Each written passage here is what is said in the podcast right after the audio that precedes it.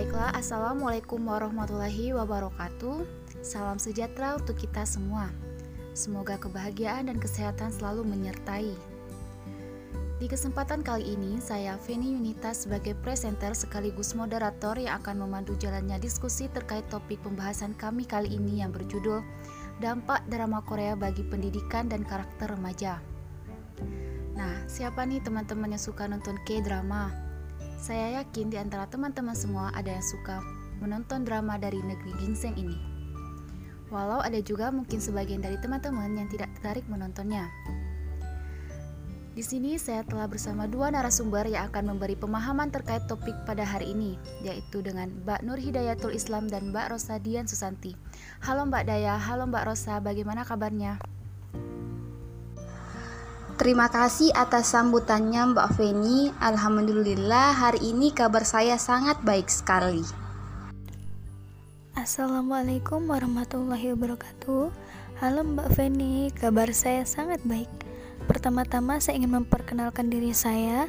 Nama lengkap saya Rosa Den Susanti, biasa dipanggil dengan Rosa. Saya salah satu mahasiswa PBSI di UNI. Salam kenal semuanya. Alhamdulillah Mbak senang mendengarnya.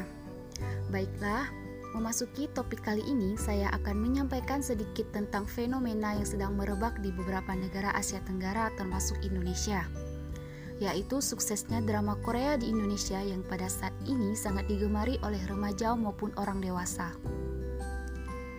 Karena bisa kita lihat sendiri, stasiun televisi Indonesia pun banyak yang menayangkan berbagai macam produk Hallyu dari Korea ini, mulai dari film, musik, fashion, bahkan ada yang membuat acara yang berhubungan dengan Korea seperti Korean Wave dan lain-lain. Jadi tidak bisa dipungkiri bahwa musik maupun K-drama menjadi sesuatu yang sangat digemari di Indonesia, apalagi di kalangan remaja saat ini. Lebih lagi, dengan adanya pandemik saat ini, penonton K-drama sangat meningkat tajam dari kalangan remaja. Hal ini yang membuat kebudayaan negara maju yang masuk diserap oleh masyarakat menjadi kebudayaan yang baru bagi kehidupan masyarakat tersebut. Inilah yang memicu timbulnya budaya populer atau budaya pop. Berkembangnya drama Korea atau budaya pop di Indonesia sebagai perwujudan globalisasi dalam dimensi budaya dan komunikasi. Dilihat dari presentasi tersebarnya pecinta drama Korea dan budaya pop di Indonesia adalah remaja. Padahal remaja menjadi tonggak pembangun nasional, sehingga apabila remaja sudah mengenal kebudayaannya sendiri, maka kebudayaan baru yang tidak sesuai dengan kebudayaan negara kita, baik itu dalam pendidikan maupun karakter remaja. Nah, di sini saya mau bertanya kepada Mbak Rosa terlebih dahulu, sebagai salah satu penggemar K-drama, ya Mbak Rosa ya. Uh, Bagaimana tanggapan Mbak terkait fenomena K-drama yang merebak di Indonesia saat ini? Dan apa saja dampak positif dan negatifnya bagi remaja? Silakan Mbak Rosa. Baik, terima kasih kepada Mbak Feni atas kesempatannya. Wajar saja bila saat ini di masa pandemi banyak sekali para remaja yang mulai menggemari K-drama, baik itu drama maupun kebudayaannya Para remaja berpikir bahwa kehidupan di K-drama sangatlah menyenangkan dan penuh kisah yang elok. Tak banyak pula para remaja yang membayangkan atau berharap cerita kehidupan realita mereka seperti di K-drama kebanyakan, terutama untuk kisah percintaan yang ada, yang pada dasarnya sangat digemari oleh para remaja. Sisi positif dari K-drama ini adalah selain dia mengangkat cerita percintaan, mereka juga menyelipkan nilai-nilai edukasi dari drama tersebut. Contohnya, dari drama Doctor Strange. Drama ini banyak sekali digemari oleh para remaja karena kisah percintaannya. Namun, di sisi lain, drama ini menampilkan kehidupan medis sehingga kita dapat menyerap beberapa ilmu medis dari drama ini. Tidak hanya dari segi ini saja, tetapi masih banyak hal yang dapat kita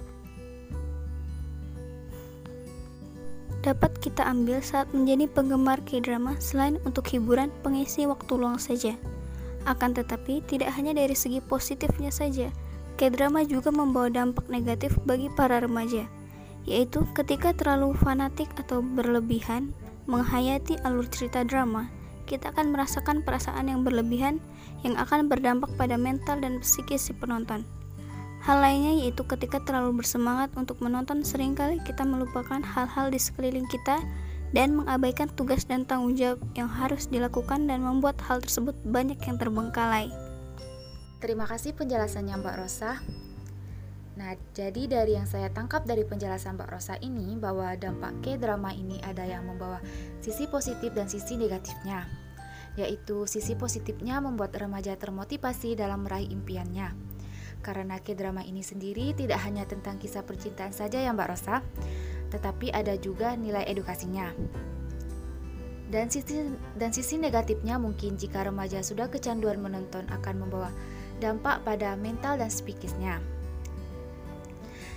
Nah, menurut Mbak Rosa sendiri, berapa lama sih waktu yang sewajarnya dalam kita menonton hiburan itu agar tidak mengganggu aktivitas lainnya? Ya, betul sekali apa yang Mbak Feni barusan tadi bilang.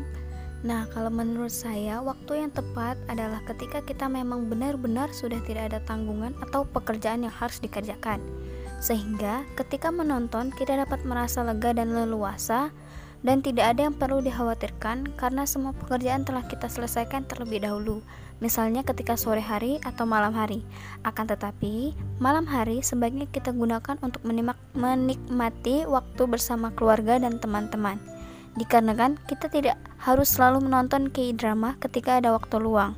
Kita juga perlu bergaul dan bermasyarakat serta bercengkrama bersama keluarga.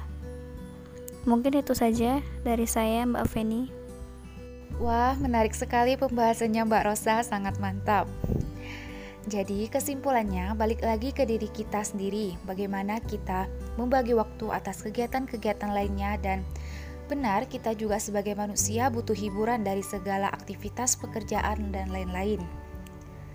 Dan semoga remaja di Indonesia bisa lebih sangat bijak dalam menonton hiburan tersebut. Lalu kembali lagi saya ingin bertanya kepada Mbak Daya. Menurut Mbak, apa sih dampaknya bagi mahasiswa yang sangat menyukai drama Korea berlebihan yang berpengaruh kepada pendidikan dan aktivitas kehidupan sehari-hari? Sebagaimana yang tadi sudah dijelaskan Mbak Rosa, mohon untuk lebih diperjelas lagi Mbak. Terima kasih Mbak Feni atas pertanyaannya. Pertanyaannya sungguh menarik. E, baiklah saya akan menanggapinya. E, pertama-tama, saya akan mengatakan bahwa masyarakat Indonesia, khususnya bukan pecinta drama Korea, akan mengatakan bahwa tontonan ini sangat buruk dalam tanda kutip negatif apabila ditonton secara berlebihan ataupun sudah ketergantungan. Alasan argumen ini ialah eh, drama Korea sangat mempengaruhi peningkatan kualitas pendidikan dan juga mempengaruhi eh, kualitas karakter remaja. Menonton drama Korea atau menyenanginya adalah hal yang sangat wajar bagi remaja karena menurut riset dan pengalaman pribadi saya, menonton drama Korea bisa menghilangkan stres karena ada rasa senang luar biasa saat menontonnya. Menonton drama Korea sebagai alasan pengalihan stres itu tidak salah menurut saya sendiri karena tidak sedikit pelajar atau mahasiswa mengalami stres karena terlalu sulit untuk menghandle tugas-tugasnya di dunia pendidikan. Sesuai pernyataan awal saya mengenai dampak drama Korea, menurut kebanyakan orang, eh, menurut kebanyakan orang yang mempengaruhi kualitas pendidikan anak bangsa yaitu dengan menonton Korea. Pernyataan ini bisa ditus bisa disetujui bagi orang-orang yang sudah ketergantungan atau sudah mm, merasakan dampaknya. Bukan lagi menghilangkan stres, tetapi juga bisa menurunkan kualitas pendidikan karena terlalu fokus ke drama Korea dan tidak menutup kemungkinan pecinta drama Korea akan menjadi K-popers. Ini uh, ia akan lalai terhadap tugas dan kewajibannya dan karakternya juga akan seakan tertutup dan bisa jadi menjadi orang yang antisosial di lingkungannya. yang mereka rasa dia tidak nyaman berada di lingkungannya karena tidak mendapat teman sefrekuensi yang menggemari drama Korea maupun mencintai K-pop. Terima kasih Mbak Feni atas pertanyaannya. Wah, mantap sekali Mbak Daya. Ya, saya setuju dengan apa yang sudah dijelaskan Mbak tadi, bahwa tidak sedikit dari mahasiswa mengalami stres karena terlalu sulit untuk menghandle tugas-tugasnya. Jujur, saya sendiri juga kalau sedang banyak pikiran, saya lelah menghadapi tugas-tugas. Saya melakukan hal yang menurut saya terhibur dan mungkin mahasiswa memilih melakukan sesuatu yang menurutnya menyenangkan. Tapi jika hal itu terlalu berlebihan akan berpengaruh juga pada kegiatan lainnya. Lalu, menurut Mbak, bagaimana caranya remaja saat ini mengimbangi kegiatan belajar dengan kebiasaan menonton agar tidak menunda tugas dan mengabaikan kegiatan lain? Sebagaimana yang tadi Mbak jelaskan bahwa mahasiswa sulit menghandle tugas-tugasnya dan di posisi lain ia juga butuh hiburan untuk dirinya sendiri. Sebuah tips dari saya Mbak Feni untuk remaja ataupun mahasiswa-mahasiswa di luar sana yang gemar menonton K-drama tetapi juga ingin mengimbangi belajarnya agar kualitas pendidikannya itu juga meningkat yaitu seperti yang saya lakukan yaitu uh, saya menonton uh, K-drama dua episode per hari dan itu bisa kita lakukan agar kita juga fokus pada pembelajaran. Itu juga tidak memberatkan bagi saya, maksimal 2 episode dalam sehari. Mungkin bisa dilakukan untuk remaja-remaja di luar sana agar bisa mengimbangi belajarnya dan juga kecintaannya terhadap drama Korea. Suatu tips yang sangat menarik ya Mbak Daya Mungkin teman-teman yang juga suka menonton K-drama bisa ikutan nih tipsnya dari Mbak Daya agar tetap imbang dalam belajar. Makasih banyak ya Mbak Daya untuk tipsnya. Selanjutnya satu pertanyaan terakhir nih untuk Mbak Rosa. Sebagaimana yang kita tahu ya Mbak bahwa remaja adalah generasi penerus. Melihat merebaknya budaya Korea yang saat yang saat ini telah banyak mengubah perilaku dan meniru kebiasaan budaya lain, apa yang sebaiknya remaja lakukan untuk tetap minimalisir masuknya kebudayaan asing yang telah mengubah perilaku karakter pada remaja? Silakan untuk Mbak Rosa dijawab. Baik Mbak Feni, akibat dari merebaknya K-drama di kalangan remaja ini juga berdampak pada kebudayaan Korea yang ikut menyebar di Indonesia. Ada banyak sekali remaja-remaja saat ini yang lebih menyenangi fashion atau cara berpakaian seperti orang-orang Korea pada umumnya karena menurut mereka hal tersebut terlihat sangat bagus.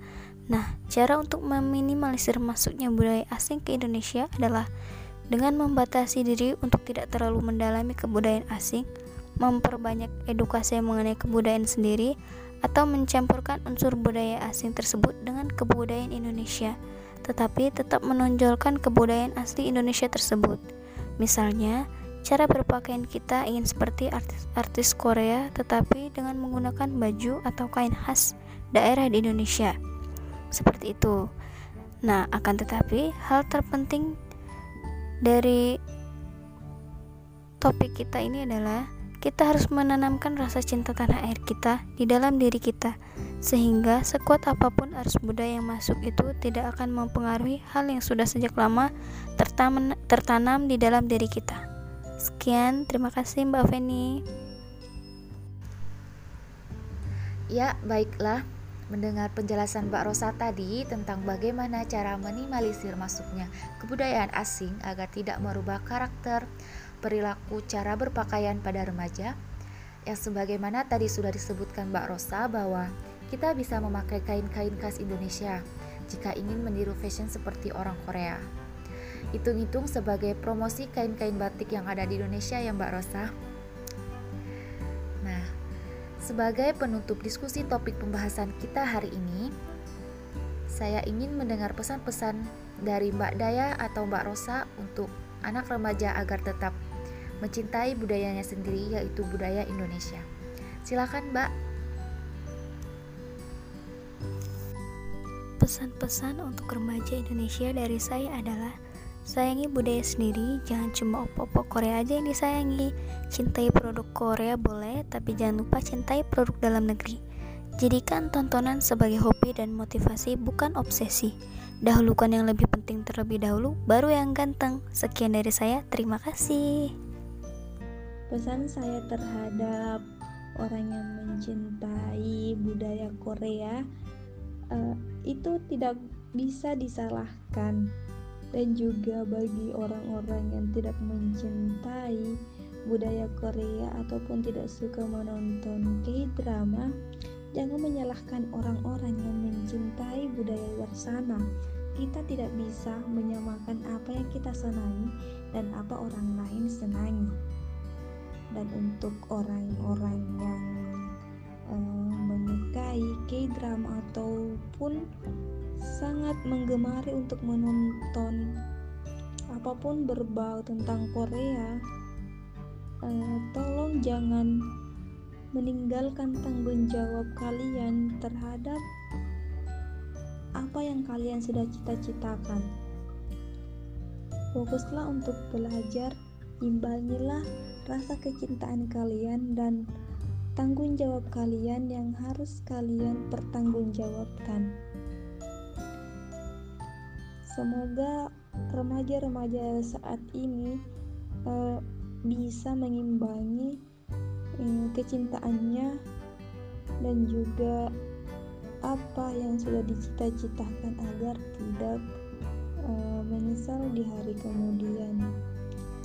Terlebih lagi meningkatkan kualitas pendidikannya dan karakternya juga bisa lebih baik dan semoga orang-orang yang mencintai budaya Korea uh, tidak menutup diri atau menjadi orang yang antisosial karena tidak mendapat teman yang sefrekuensi.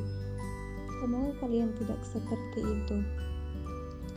Mungkin hanya itu yang bisa saya sampaikan Mbak Feni terhadap remaja-remaja saat ini. Semoga mereka bisa meningkatkan kualitas pendidikannya, uh, tidak terbawa alur terlalu dalam dalam dalam tanda kutip perubahan yang negatif dan juga mereka berhak membawa perubahan terhadap kebudayaan-kebudayaan Indonesia supaya lebih dikenal di luar sana tidak hanya kita yang mengenal budaya luar sana terima kasih semuanya Baiklah, terima kasih banyak Mbak Daya dan Mbak Rosa atas penjelasan dan pesan-pesannya untuk remaja Indonesia sekarang ini. Karena perlu diketahui bahwa kita tidak bisa menutup diri atas apa yang sudah masuk ke dalam budaya kita. Kita hanya perlu minimalisirnya agar kebudayaan asing yang masuk tidak berdampak pada berubahnya perilaku, sikap, dan karakter pada remaja generasi penerus bangsa. Semoga teman-teman yang mendengar pembahasan topik kami hari ini bisa paham dan tahu realita fenomena yang sudah menjadi hal rumrah di kalangan remaja, khususnya di Indonesia. Sebagai penutup acara diskusi topik pembahasan hari ini, saya Feni Yunita sebagai moderator bersama dua narasumber yaitu Mbak Nur Hidayatul Islam dan Mbak Rosadia Susanti. Kami pamit undur diri dan terima kasih. Wassalamualaikum warahmatullahi wabarakatuh.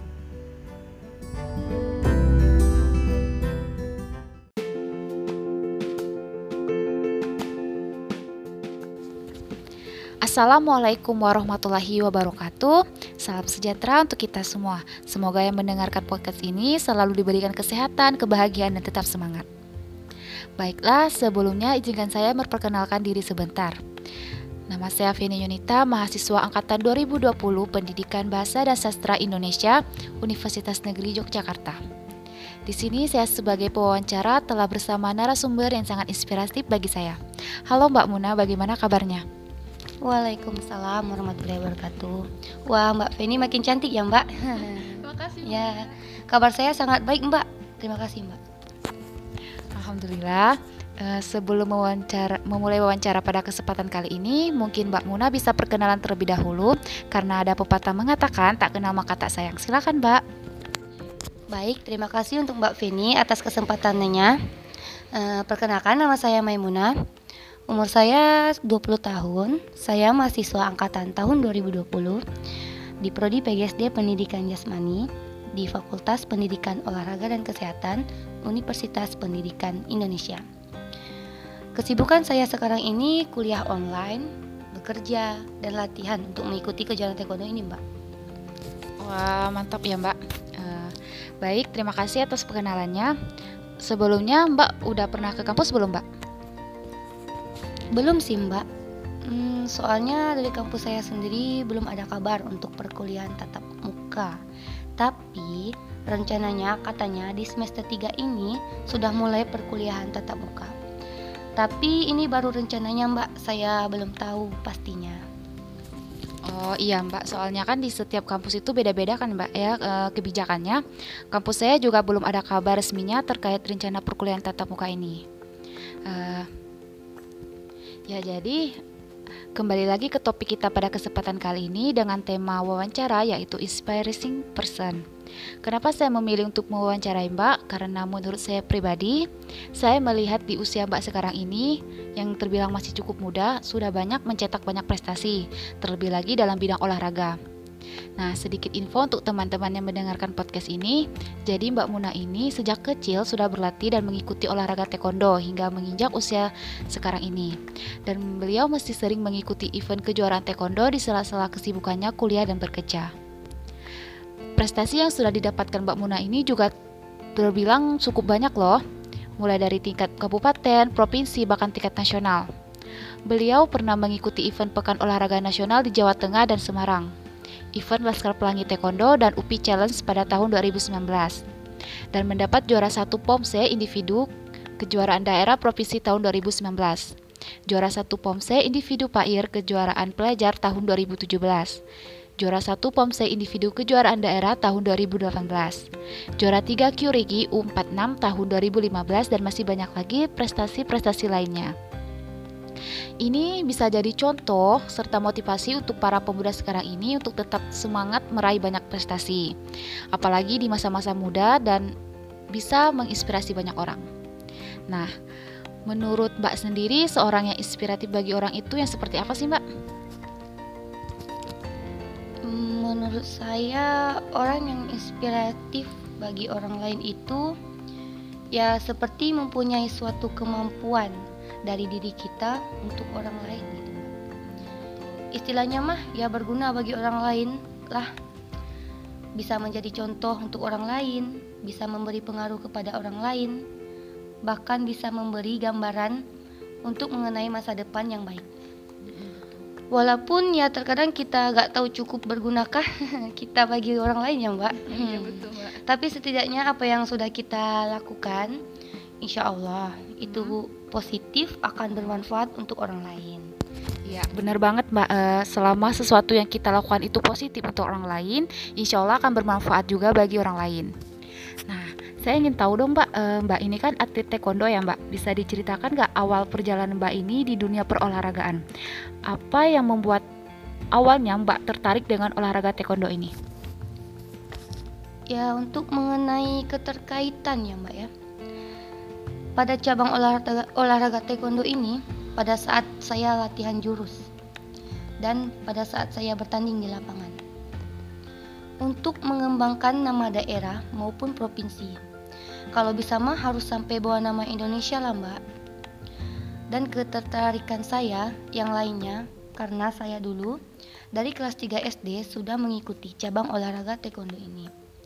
Ya hingga saat ini sampai saya duduk kuliah di semester 2. Gitu mbak. Nah, jadi awalnya tertarik itu karena berlatih jurus-jurus ya Mbak dan berlat dan bertanding di lapangan hingga memicu semangat untuk mencoba seperti itu ya Mbak. Nah, dan nah lalu siapa sih yang pertama kali mendorong Mbak ikut olahraga taekwondo ini dan uh, apa ada dorongan dari diri sendiri, teman atau mungkin keluarga? Mungkin sebelumnya tidak ada yang memaksakan saya Mbak untuk terjun ke dunia olahraga cabang taekwondo ini. Namun pada saat saya duduk di bangku kelas 3 SD, guru olahraga saya merekomendasikan untuk mengikuti ekstrakurikuler taekwondo ini.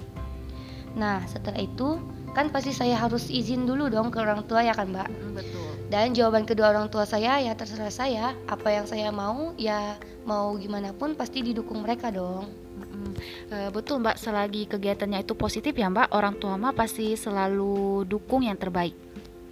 Iya Mbak, betul. Karena orang tua hanya bisa memberi support. Selebih selebihnya mah itu sudah menjadi tanggung jawab kita. Nah, saya uh, ingin tahu dong Mbak, Mbak ini kan terbilang masih muda, sudah meraih banyak prestasi. Nah, pastinya banyak melewati proses yang panjang dong. E, bagaimana sih proses awal Mbak hingga Mas e, bisa meraih banyak prestasi hingga saat ini? Ceritakan awal prosesnya Mbak bisa meraih banyak prestasi hingga saat ini. Hmm. Untuk membicarakan proses bisa meraih prestasi ini cukup banyak rintangan sih Mbak Kemarin waktu saya TC selama satu bulan dengan latihan seperti satu minggu itu latihan terus seperti pagi, siang, sore tanpa henti. Dan banyak jam terbang sih menurut saya sih mbak. Bukan menurut saya sih uh, atlet-atlet nasional luar negeri pun pasti terbilang banyakin jam terbang. Soalnya latihan itu bukan cukup untuk latihan sih. Pertandingan juga harus ada gitu ya Ya, yang penting latihan sungguh-sungguh adalah kunci sukses dan jam terbang banyak tadi. Dan satu lagi jangan lupa dengan Tuhan. Nah, berdoa. Kunci nomor satu ya, Ya, ya benar, Mbak. Karena latihan tanpa diiringi doa itu akan percuma juga, Mbak. Gak bakalan ada hasilnya juga sih menurut saya. Ya, begitu, Mbak. Benar banget, Mbak. Saya juga setuju. Kalau kita terus-terus berlatih terus kan tanpa diiringi doa juga bakalan percuma gitu.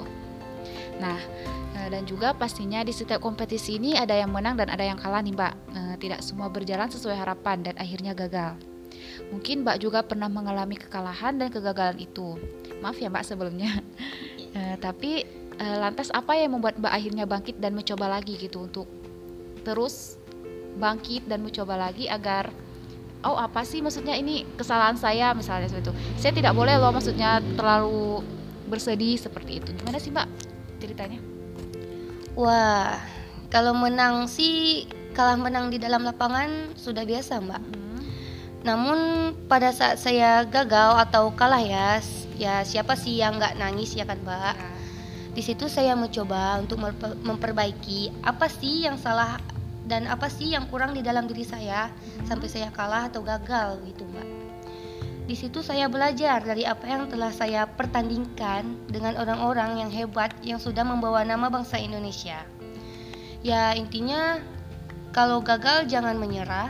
Mas masih banyak orang yang mau berada di posisi kita saat ini, Mbak. Begitu menurut saya. Apalagi kalau jika pencapaian kita tuh udah di atas gitu kan, Mbak ya. Jadi kayak mau nyerah aja mikir-mikir dulu ya, Mbak. Ya, betul, Mbak. Ya seperti itulah ya untuk masa depan yang lebih baik. Hmm. Nah, lalu eh, Mbak ini kan juga kuliah sambil bekerja nih Mbak. Pastinya pernah mengalami masa-masa sulit, capek dan jenuh dengan kesibukan itu. Lalu apa yang memotivasi diri Mbak sendiri? Mungkin uh, bisa diceritakan kepada seluruh pendengar podcast ini. Silakan Mbak. Untuk memotivasi diri saya sendiri yang sering berpikir, uh, sering berpikir sih gitu. Hmm. Di luar sana masih banyak yang nggak bisa makan dan kadang makan sehari cuma satu kali dan terkadang nggak makan loh mbak. Sedangkan saya ya alhamdulillah ya Allah masih bisa untuk makan saja sudah bersyukur banget mbak. Sesibuk pekerjaan sambil kuliah ya titik jenuh capek pasti ada mbak. Namun ya begitu masih banyak yang kurang dari saya namun masih ada orang yang mampu bertahan di bawah saya. Dengan begitu saya bangkit dan mencoba untuk semangat dari kejenuhan yang saya alami Uh, betul Mbak, uh, jujur dari yang Mbak ceritain tadi, saya terharu loh Mbak mendengarnya. Uh, karena di usia Mbak sekarang ini tidak gampang loh, maksudnya Mbak terus berlatih, Mbak kuliah gitu, bekerja, mendengar perjuangan dan perjalanan Mbak meraih banyak prestasi ini apalagi mendengar semangat Mbak dan menjalani keseharian yang sibuk namun tidak lupa dengan pendidikan. Uh, ya jadi sebelum podcast ini berakhir, apa Mbak Muna punya saran dan motivasi untuk seluruh remaja dan seluruh pendengar yang mendengar podcast ini? Mungkin ada saran gak? Aduh, saran ya nih Mbak. Aduh. Ayo Mbak, beri saran untuk Aduh, saran saya mah bagi seseorang yang sudah mendengarkan podcast ini, apa pun yang Anda mimpikan, jangan ragu untuk mencoba. Walaupun kita gagal, ya di situ kita punya motivasi untuk diri sendiri. Apa sih yang kurang dari kita? Nah, untuk itu kita berpikir dan terus menciptakan mimpi-mimpi baru untuk masa depan yang lebih cerah. Dan ingat, tetap bersyukur untuk menjalankan hari-hari karena banyak yang mau di posisi kita saat ini. Itu, Mbak. Wah, mantap tuh untuk yang mendengar podcast ini. Semoga terinspirasi lah dari sosok Mbak Muna ini semangatnya meraih banyak prestasi beliau bekerja kuliah seperti itu Nah, baiklah, itu tadi sebuah kisah perjalanan dari seorang narasumber yang sangat menginspirasi para-para pemuda, khususnya orang-orang yang sedang mendengarkan podcast ini. Terima kasih Mbak Muna atas kesempatannya untuk saya dalam mewawancarai inspirasi person kali ini. Semoga lain waktu kita bisa bertemu dan berbincang lebih banyak lagi ya Mbak. Uh, terima kasih atas waktunya. Sekian dari saya. Jika ada kesalahan kata dalam wawancara kali ini, saya mohon ampun. Saya akhiri. Wassalamualaikum warahmatullahi wabarakatuh. Waalaikumsalam warahmatullahi wabarakatuh.